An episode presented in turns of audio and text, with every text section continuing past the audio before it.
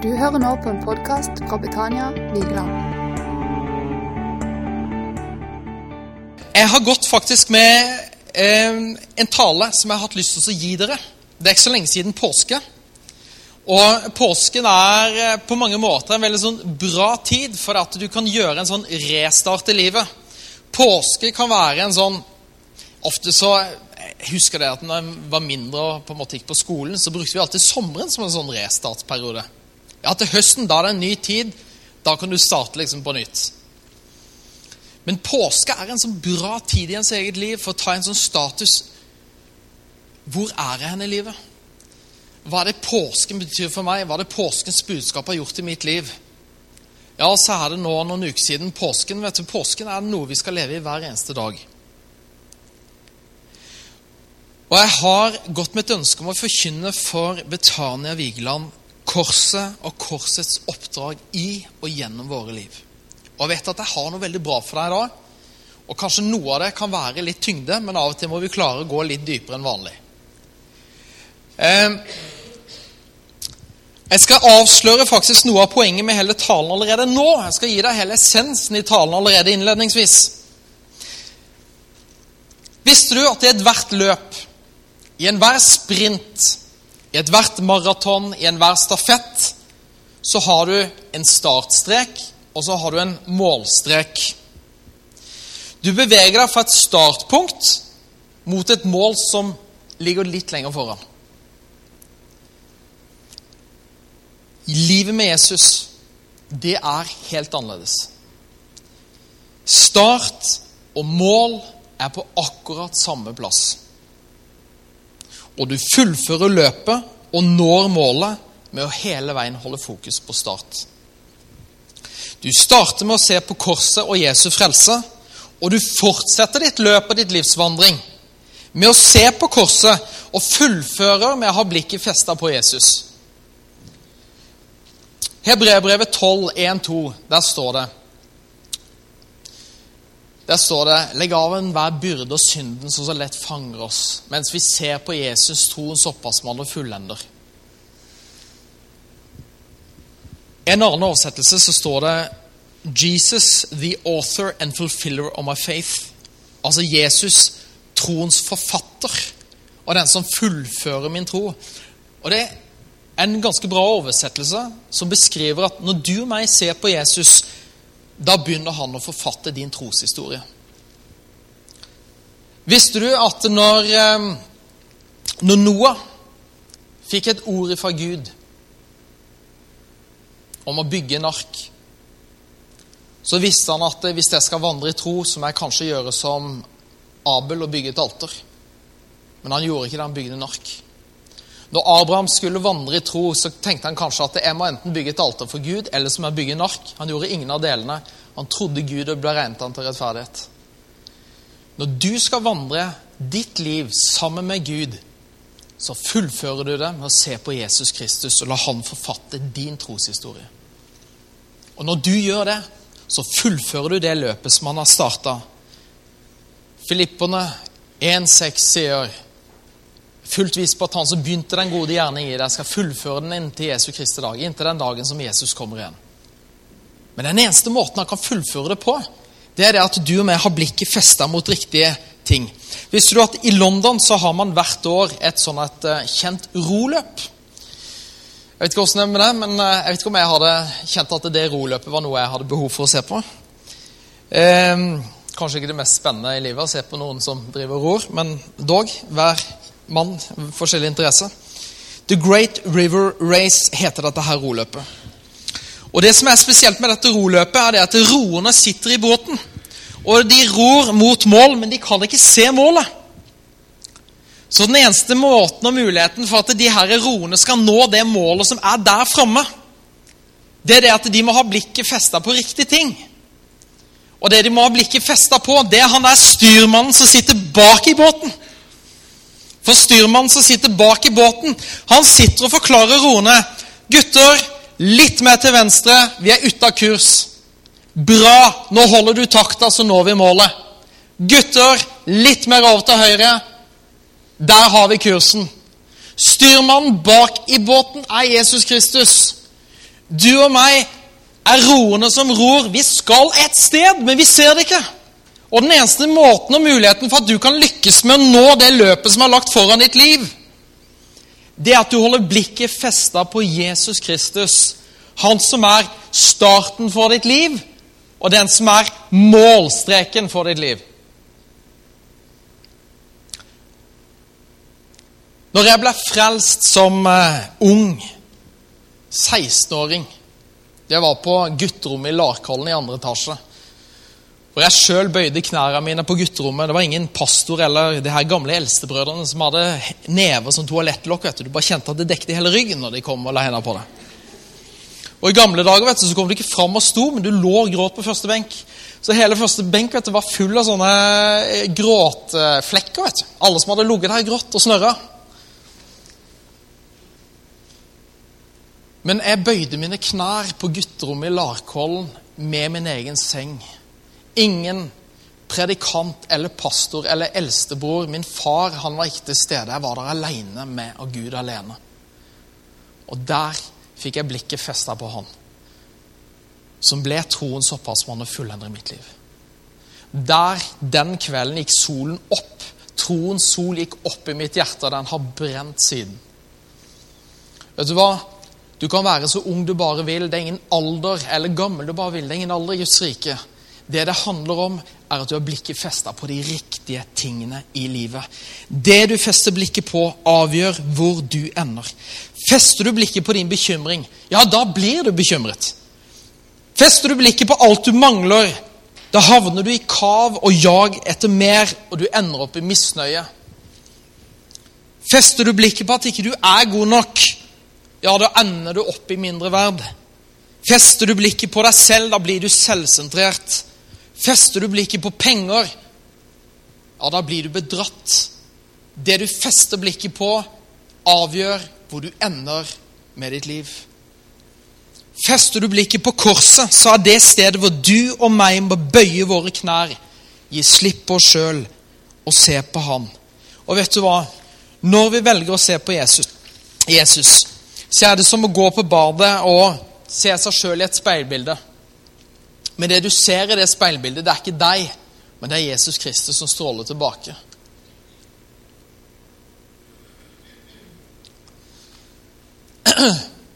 Når eh, Northug var på sitt høydepunkt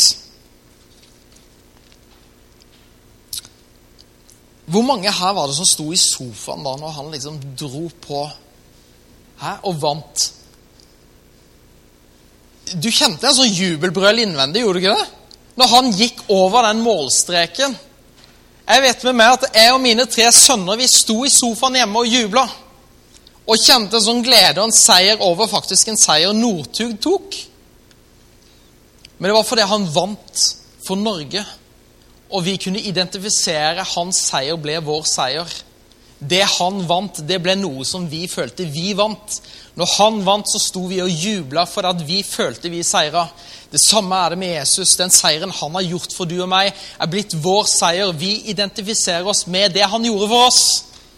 Derfor kan vi si at Jesus Kristus, hans seier, er blitt vår seier. Jeg nevnte korsets oppdrag, og jeg har lyst til å definere ordet oppdrag. Det er et ord som forteller om noe som skal gjøres. Om man har et oppdrag, så er du valgt ut for en konkret hensikt. Og denne hensikten kan være både innenfra eller utenfra styrt. Men med oppdrag som fokus vil alle dine og mine prioriteringer være definert ut ifra denne ene hensikten. Og Når jeg hører dette ordet oppdrag, så tenker jeg spontant at det er knytta til embeter, politikere, idrettsutøvere, elitesoldater, religiøse ledere eller Gud, for å nevne noe. Og så er det så lett å unngå å tenke at dette er et ord som gjelder deg og meg. At du og meg har et oppdrag. Vi har en misjon. Som foreldre, som kollega, som en venn, som menighet der utgangspunktet og kilden for vår misjon er Jesus Kristus. Det er for enkelt å tenke at oppdrag det er noe som alle andre skal gjøre. eller som et krav som du og meg skal utføre. Men oppdrag er ikke et krav om å gjøre, men det er noe Jesus har gjort en gang for alle, og som pågår i ditt og mitt liv hver eneste dag. Og overskriften på min tale i dag har jeg sagt 'Jeg vil elske det eldgamle kors'. Og det er faktisk en salme jeg har vokst opp med. 'Jeg vil elske det eldgamle kors'. En av de beste og sterkeste salmene jeg vet om. Så er ikke overskriften i dag et fint slagord eller en kopi, men det er en livsstil som setter deg og de menneskene du har rundt deg, fri. Fri fra selvforakt, fri fra selvfordømmelse. Og utrolig mange mennesker jeg møter som går rundt med en selvfordømmelse og selvforakt. Jeg er ikke fornøyd med seg sjøl. Jeg er ikke fornøyd med tingenes tilstand. Må ha mer, kaver etter noe annet. Livet mitt er mislykka på et eller annet vis. Og så tenker jeg du har jo faktisk ikke sett deg sjøl i speilet eller oppdaga den friheten som er i Kristus Jesus. Det vil sette mennesker rundt deg fri fra unødvendig sammenligning. Og så vil det være en hjelp til å få rett fokus i livet. Med en forståelse av korset og korsets betydning i ditt og mitt liv, så blir det lettere å skille på hva som er viktig, og hva som er det viktigste. I Norge så har vi ikke et valg mellom godt og dårlig. Vi tenker at det er bra, det er dårlig, det er dårlig, det er bra. Det er helt feil. I Norge så har vi faktisk kun to valg. Det er bra og best. Og Vi fatter ikke hvor heldige vi er i dette landet som vi bor i. At de valgene vi står med hver dag, det vil være valg mellom hva som er viktig, og hva som er det viktigste. Det er mye vi føler er viktig i livet, men hva er det som er det aller, aller viktigste? Derfor har jeg lyst til å ta deg med inn til kjernen av evangeliet, nemlig korsets oppdrag i våre liv. Og Har du Bibelen med deg, så vil jeg at du skal slå opp i første Korinterbrev, kapittel 1 vers 17-25. Vi skal lese de versene der. Og så blir det rammen for, eh, for det som kommer resten. Der sier Paulus For Kristus sendte meg ikke ut for å døpe, men for å forkynne evangeliet. Ikke med visdomstale, for at ikke Kristi kors skulle tømmes for kraft. For ordet om korset er dårskap for den som går fortapt, men for oss som blir frelst, er det Guds kraft. For det er skrevet:" Jeg vil ødelegge de vises visdom, og de klokes klokskap vil jeg gjøre til intet. Hvor er den vise? Hvor er den skriftlærde? Hvor er en forsker i denne tidsalder? Har ikke Gud gjort denne verdens visdom til dårskap? For siden det var Guds visdom at verden ikke skulle kjenne Gud ved sin egen visdom, var det også Guds rådslutning å frelse dem som tror ved forkynnelsens dårskap. For jøder ber om tegn, og grekere søker etter visdom. Men vi forkynner Kristus korsfestet. For jøder er dette et anstøt, for grekere er det en dårskap. Men for dem som er kalt, både jøder og grekere, forkynner vi Kristus som Guds kraft og Guds visdom. For Guds dårskap er visere enn menneskene, og Guds svakhet er sterkere enn menneskene. Og det er lov å si et lite amen. Når jeg takka ja til å bli pastor i Askim frie misjonsmenighet, som er en menighet, eh, en fusjon mellom Frie Venner og Misjonsforbundet, så måtte jeg inn til eh, lederskapet i menigheten, og der måtte jeg svare på mitt dåpssyn. Om eh, Misjonsforbundet har dobbelt dåpssyn. Man kan døpe barn på bakgrunn av at de er Guds barn, altså et metodistisk dåpssyn, så kan du døpe troende det som man nå definerer som voksendåp. Jeg syns det er en feil beskrivelse. Og da var jeg veldig ærlig og sa beklager, jeg kan ikke døpe barn, for det strider mot mitt teologiske både trospunkt og standpunkt og min egen overbevisning. Ja, da, da var det ikke sikkert at jeg var rett mann for den jobben. Så, men hvis, dere vil ha meg, så vet dere hvor jeg står hen. Ja, ja. Så fikk jeg litt tid til å tenke på, og så fikk jeg dette ordet. vet du. Så Paulus sier han sendte meg ikke ut for å døpe, men for å forkynne Kristus. Da tenkte jeg yes, der var nøkkelen. Det er det vi har kalt det forkynne Kristus, for det er der friheten er. Når vi beveger oss utenfor alle mulige rammer og begynner å diskutere all mulig teologi utenfor denne sentrale kjernepunktet, da mister vi fokus.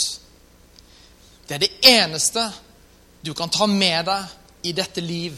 Det er troen på Han som kan frelse.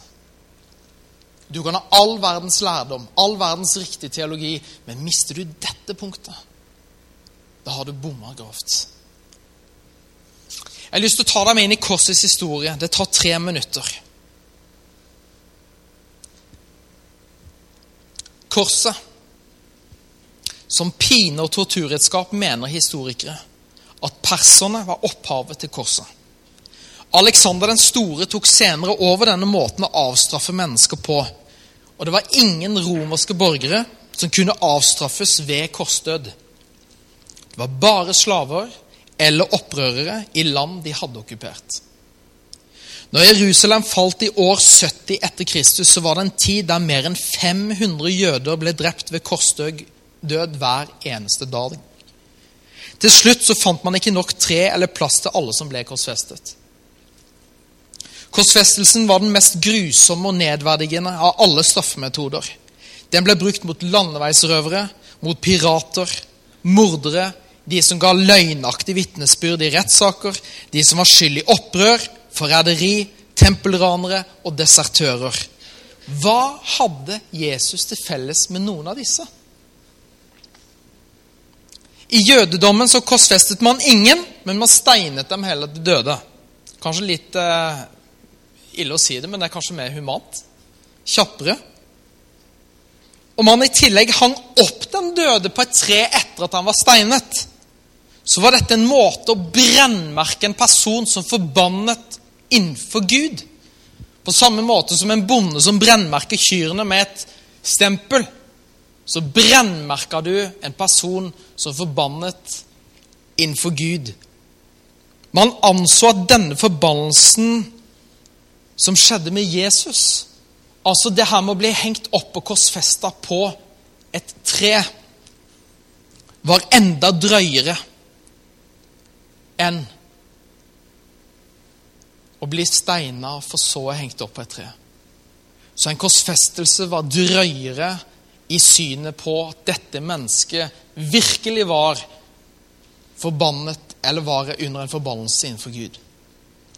Den korsfestede ble utsatt for bødlenes, tilskuernes og dommernes hån. Til og med dommerne løp rundt og hånte de som var korsfestet. Det er jo fascinerende.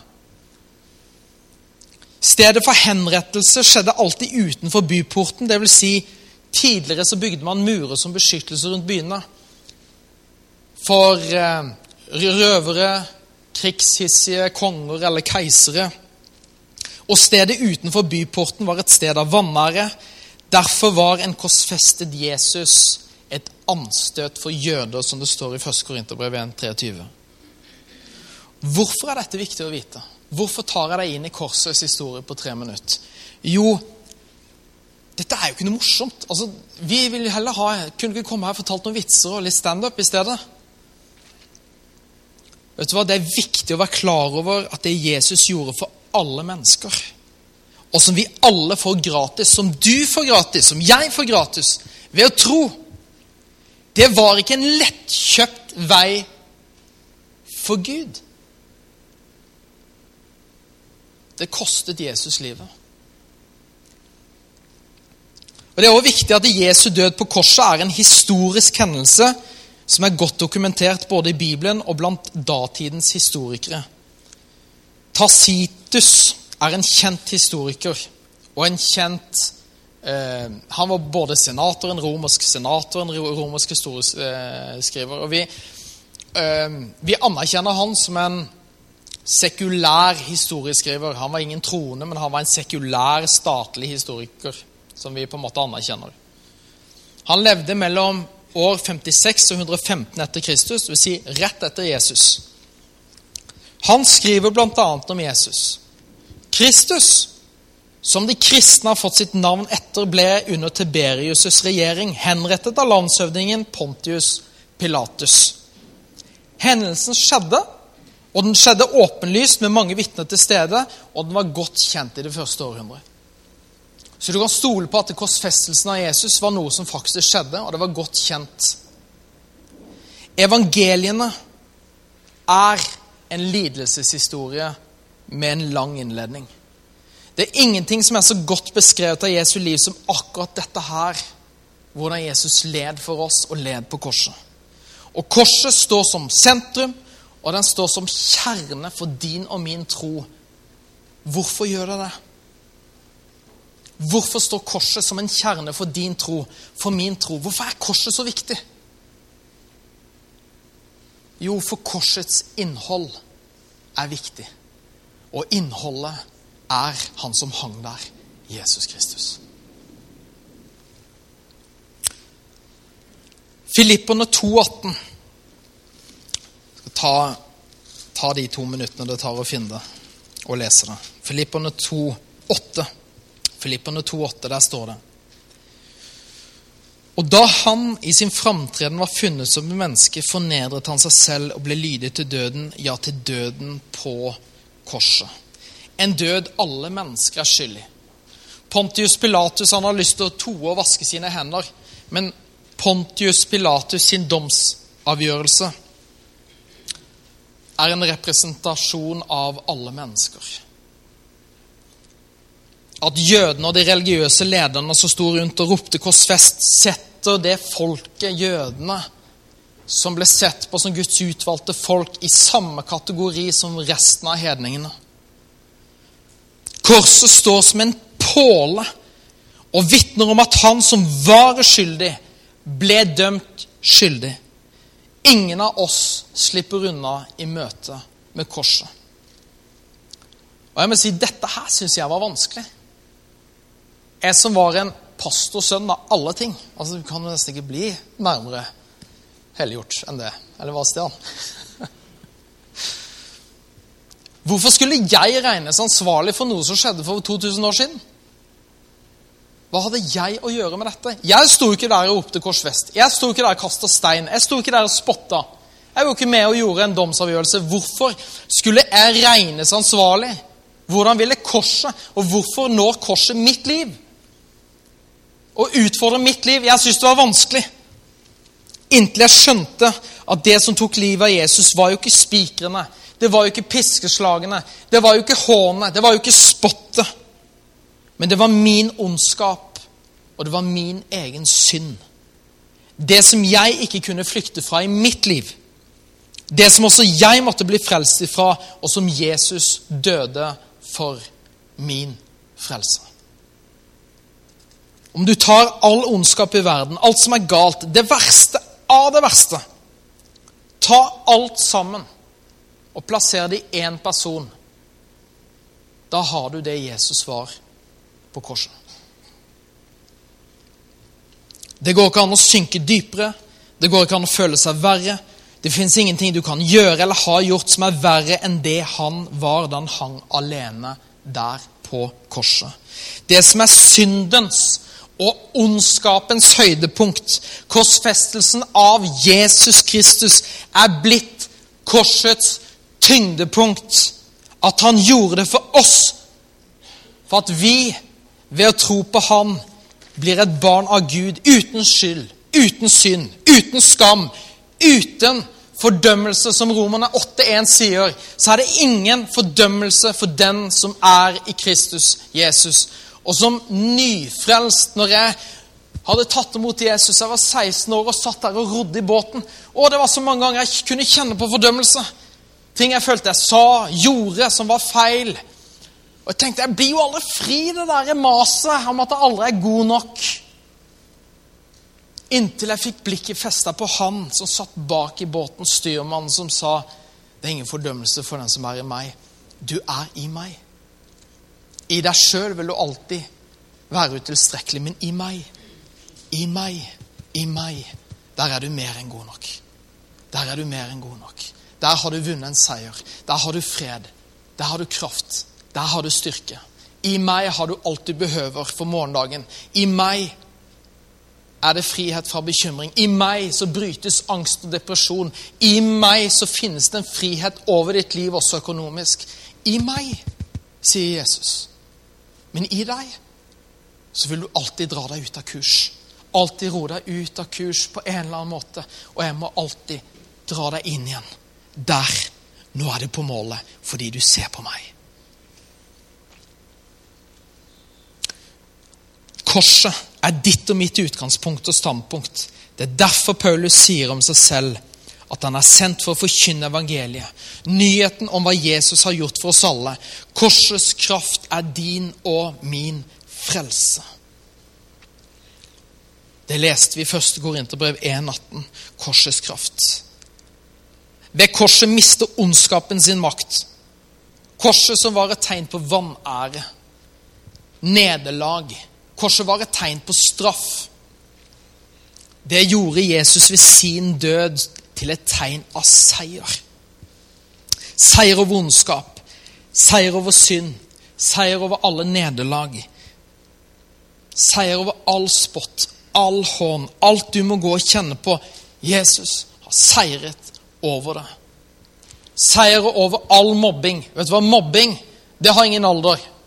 Du kan være voksen og bli mobba. Jeg gikk i tre år og ble mobba profant. Hvorfor det? Fordi jeg var en kristen på jobb.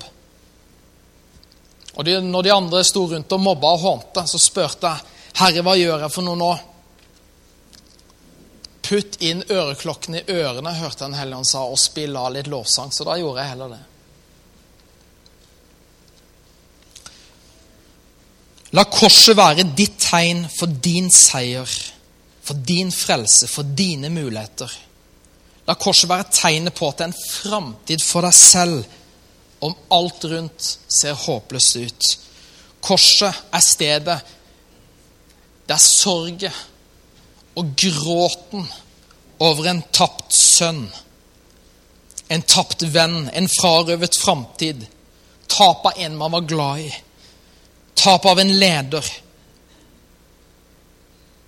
Korset er stedet der alt dette ble snudd til latter og glede for han som hang der. Den alle følte var tapt, er blitt din og min fremtid. Vår felles frelse. Jeg husker På søndagsskolen da jeg var liten, så sang vi 'Korset er tomt, graven er tom, Jesus står opp, og han lever'. Korset er tomt. Graven er tom. Jesus han sto opp og han lever, og hans oppstandelse er livet som seiret. Og det er dette livet som starter i et menneskes hjerte når du tar imot Jesus Kristus som frelser og herre. Det var denne kraften som Gud lot virke i Kristus. Han reiste ham opp fra de døde. Det er livets kraft som reiste Kristus opp fra de døde. Og den samme livskraften ble blåst i ditt hjerte den dagen du tok imot Jesus Kristus. Og Det er denne kraften som lever i deg. Og Det er denne kraften som seirer i de utfordringene du møter i livet. Og Hvis du kjenner på et lite amen, så er det lov til å si det på Ibetana i formiddag. Om ikke du blir salig, så blir i hvert fall jeg det, som han sa. Korset strekker seg også utover. Korset er forma både vertikalt og horisontalt. I korset så møter himmelen og jorden hverandre, og relasjonen mellom Gud og mennesker, som ble brutt i Edens hage ved et tre som var vakkert å se på. Tre Edens hage var grønt, var fruktbart, var lekkert å se på. Det treet som ødela relasjonen mellom Gud og mennesker, blir nå gjenoppretta og etablert på nytt gjennom et nakent, kaldt og fryktsomt tre uten grønne blader, uten fristende frukter.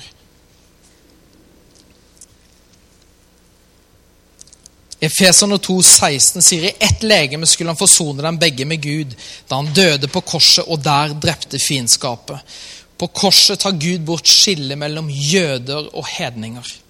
Mellom du og meg. Han stiller alle under samme forutsetninger og gir alle samme rettigheter gjennom Jesus som hang der. Det er ingen forskjell. Det er ingen som kan si at du er innafor, du er utafor. Du er frelst, du er i hvert fall ikke frelst. I Jesus er alle som tror, blitt en sønn eller en datter av Gud. Korset har en horisontal linje. Den strekker seg utover, til alle. Du kan ikke åpne armene videre ut enn det korset gjør. Det rommer alle mennesker. Korset, korset er ikke kalvinistisk, som sier at noen er forutbestemte frelse, andre til fortapelse. I korset er alle inkludert i Guds frelse, og du og meg må velge å ta imot den frelsen.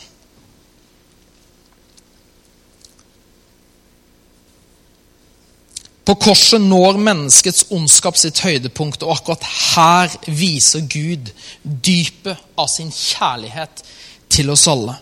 Vi som burde vært dømt skyldige og fri, og får i stedet nåde. Når vi forstår dette, så har vi ikke lyst til å gjøre handlinger som vi føler skiller oss ifra Guds kjærlighet. Men hva kan skille deg fra Guds kjærlighet? Hva kan skille deg fra Guds kjærlighet? Paulus sier verken død eller liv, engler eller makt. Verken det som nå er, eller det som kommer skal, skal være i stand til å skille oss fra Guds kjærlighet, som er Kristus Jesus. Vet du at I Gamle testamentet skal jeg ta en sånn fun fact for deg. I Gamle testamentet så kunne en engel slå i hjel 185 000, 185 000 mennesker i løpet av en natt. Når Jesus er i Getsemane, og de kommer for å ta ham til fange, så kommer de med en kohort. Og Kohort er den minste enheten i en romersk hær. Den var på alt fra, alt fra 50 til 600 mann. Og Når Jesus sier at de kommer imot meg med stokker og kjepper', så sier han om jeg hadde befalt min far, ville ha sendt meg tolv legioner engler. Én legion var den største romerske militære enheten. Den var et sted mellom 3000 og 6000 mann. Så et regnestykke hvis vi sier at tolv legioner engler av 6000 mann eller engler gir oss 72 000 engler i én befaling Hvis én engel kunne slå i hjel 185 000 mann på en natt, så kunne 72 000 engler slått i hjel 13 000 millioner mennesker, eller 13 milliarder mennesker, i løpet av en natt. Det er kraft. Paulus sier at ingenting av det der er i stand til å ta deg bort fra Guds kjærlighet eller er sterk nok til å skille deg fra Guds kjærlighet.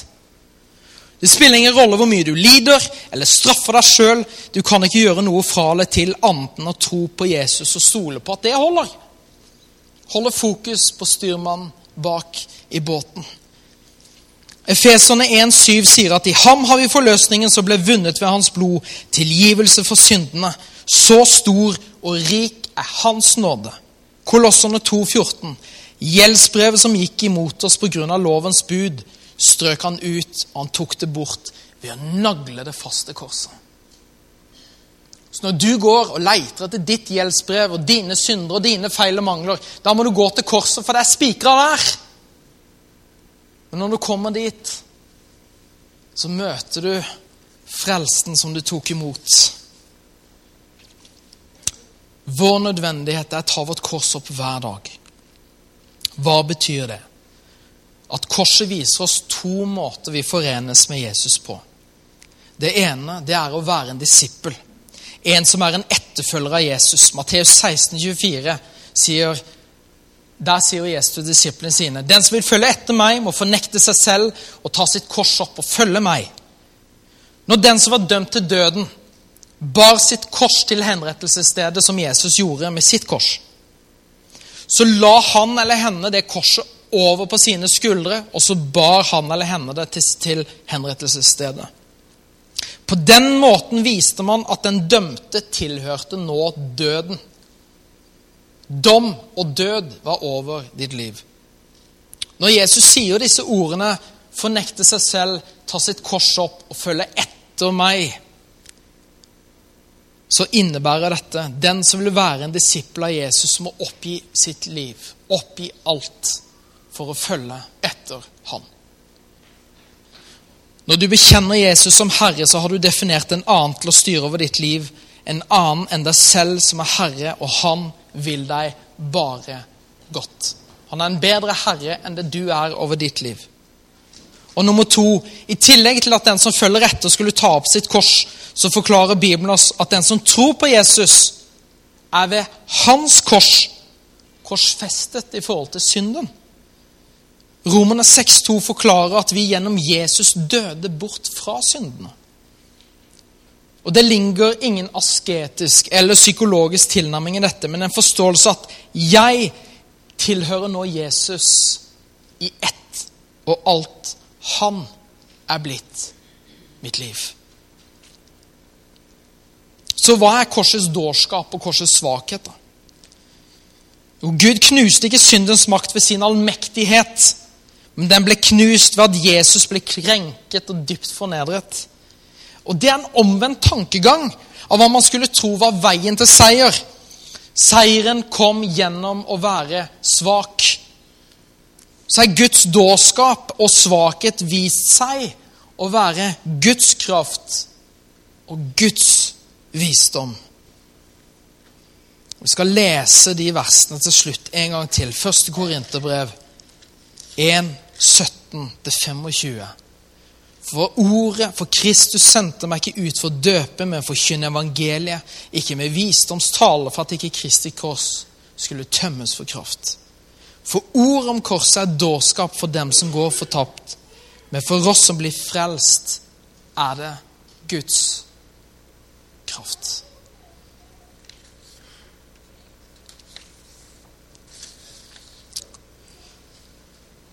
Korset er ditt og mitt oppdrag. Vi måtte legge ned våre liv ved korset en gang da vi valgte å tro på Jesus. Men daglig så jobber korset i oss, i vår vilje, for å minne deg og meg om at det han gjorde en gang for alle, det holder. Når jeg studerte teologi på Ansgar og tok pastoral utdannelse, så var det en av lærerne på Ansgar som sa til meg det at med stor tvil angår det kommer stor tro. Og Da han sa det, å være ung og radikal og hadde ingen tro på at det var, et, uh, var noe som stemte. Men nå, en del år etterpå, så kan jeg si at jeg er fullt enig i den uttalelsen. Med stor tvil kommer stor tro.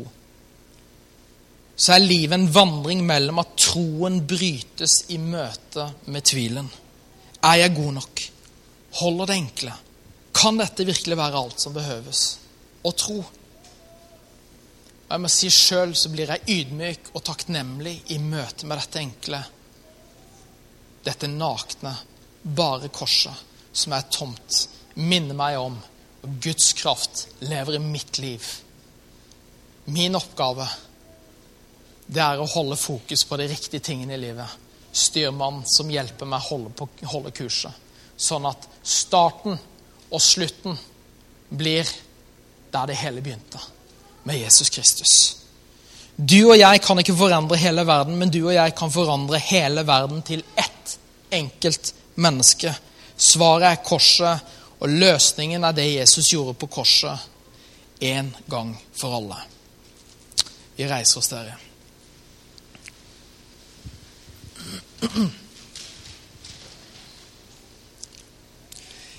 Jeg kunne gjerne tenke meg at den lovsangen dere tok før jeg talte, at dere tar den en gang til. Og priser hans navn. Og så er det sånn at når eh, en kommer til gudstjeneste, så er det for mange en hel uke som ligger bak. Og for noen så er det ikke bare en uke som ligger bak, det er en hel måned som ligger bak. Og det kan være et helt år som ligger bak med utfordringer. Og Jeg har lyst til å utfordre Betania her i dag. Du som er her på gudstjeneste i dag. Vet du hva? Det er ikke meninga at du skal gå og bære på alt dette her. Men det er meningen at du skal legge det ned ved Han som bar det, og er sterk nok til å bære det for deg.